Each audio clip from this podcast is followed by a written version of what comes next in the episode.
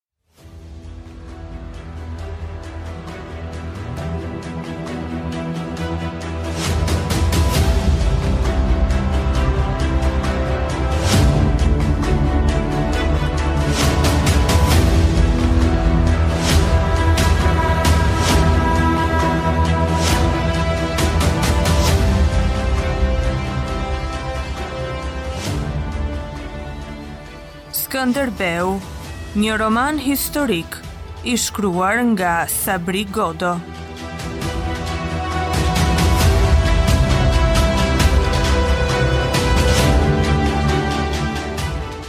Kapitulli i nëntë. Goditja dhe ndryshimi.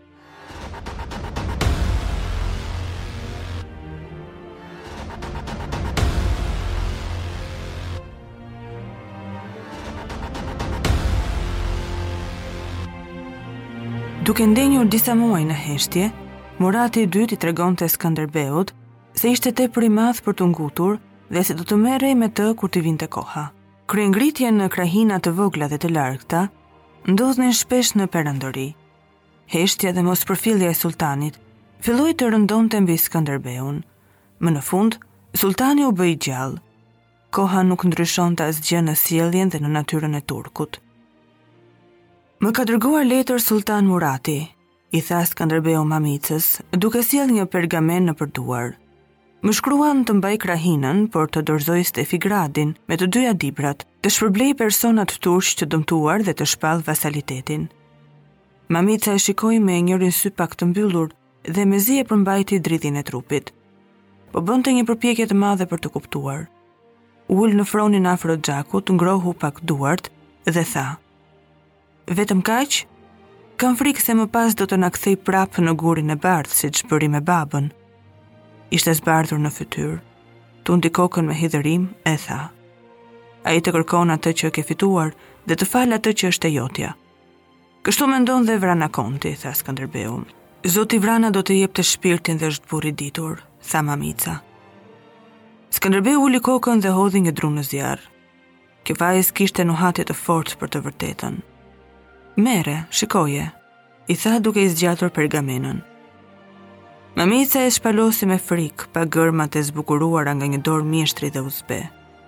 Ato ia ngatërruan sytë, si të ishin leqe, me një forcë të fshehtë dhe që po përpiqeshin të dilnin nga letra.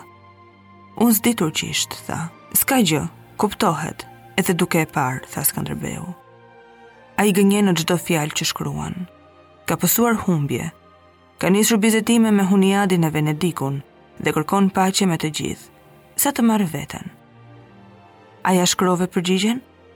Jo, më parë duhet të dinë për këtë letër pjesëtarët e Lezhës, do t'i thërres në Krujë. Ata do të shohin se ti nuk kërkon vetëm principatën tënde, por shpëtimin e të gjithëve, tha Mamica. Ajo mendoi se njerëzit do të rrudheshin e do të zvogëloheshin kur të njihnin zemrën e madhe të Gjergjit, siç e njihte ajo. Ishte mbushur me lot, por mbahej duke buzëqeshur. Po të bëje paqe, ai do të vinte vetë ose do të dërgojë ushtri. Ai s'mund të lejojë ndokush të ngre krye dhe të fitojë, tha Skënderbeu i përqëndruar e i zymtë. Le të vijë, tha Mamica. Skënderbeu u kthye nga ajo ngadalë. Atij i merrej mendja kur kujtonte atë vajzë nëntëvjeçare, që mbyllej lart në kullën e Gurit të Bardhë, e hidhte valle për plakun që ta mbante gjallë sa t'i ktheheshin bijtë. Ditët e fundit të plakut, që marrosej pas saj, ia kishte treguar ajo vetë. Plakut i shuhej zëri e turbullohej shikimi. Ndiente se po e linte fuqia, se po i afrohej vdekja, por nuk donte të jepej. Ajo kishte treguar këto me ca fjalë të thjeshta si për plaçkat e shtëpisë, apo për ndreqjen e dhomës që t'ia bënte të vëllait sa më të lehtë agoninë e plakut. Skënderbeu mendoi se çdo gjë e mirë që kishte lulëzuar në shpirtin e tre brezave të Kastriotëve ishte ruajtur në zemrën e asaj vajze. Si ta fitojmë këtë luftë, do të gjejmë një dhëndër për të qenë, tha Skënderbeu. Mamica ngriti fytyrën, e pa me merak dhe qeshi. Kurdoherë që kjo martesë t'i duhet vëllait, tha ajo. Skënderbeu u mbështet në fron edhe e harroi Mamicën. Ishte tepër shpejt që sulltani të vinte vetë.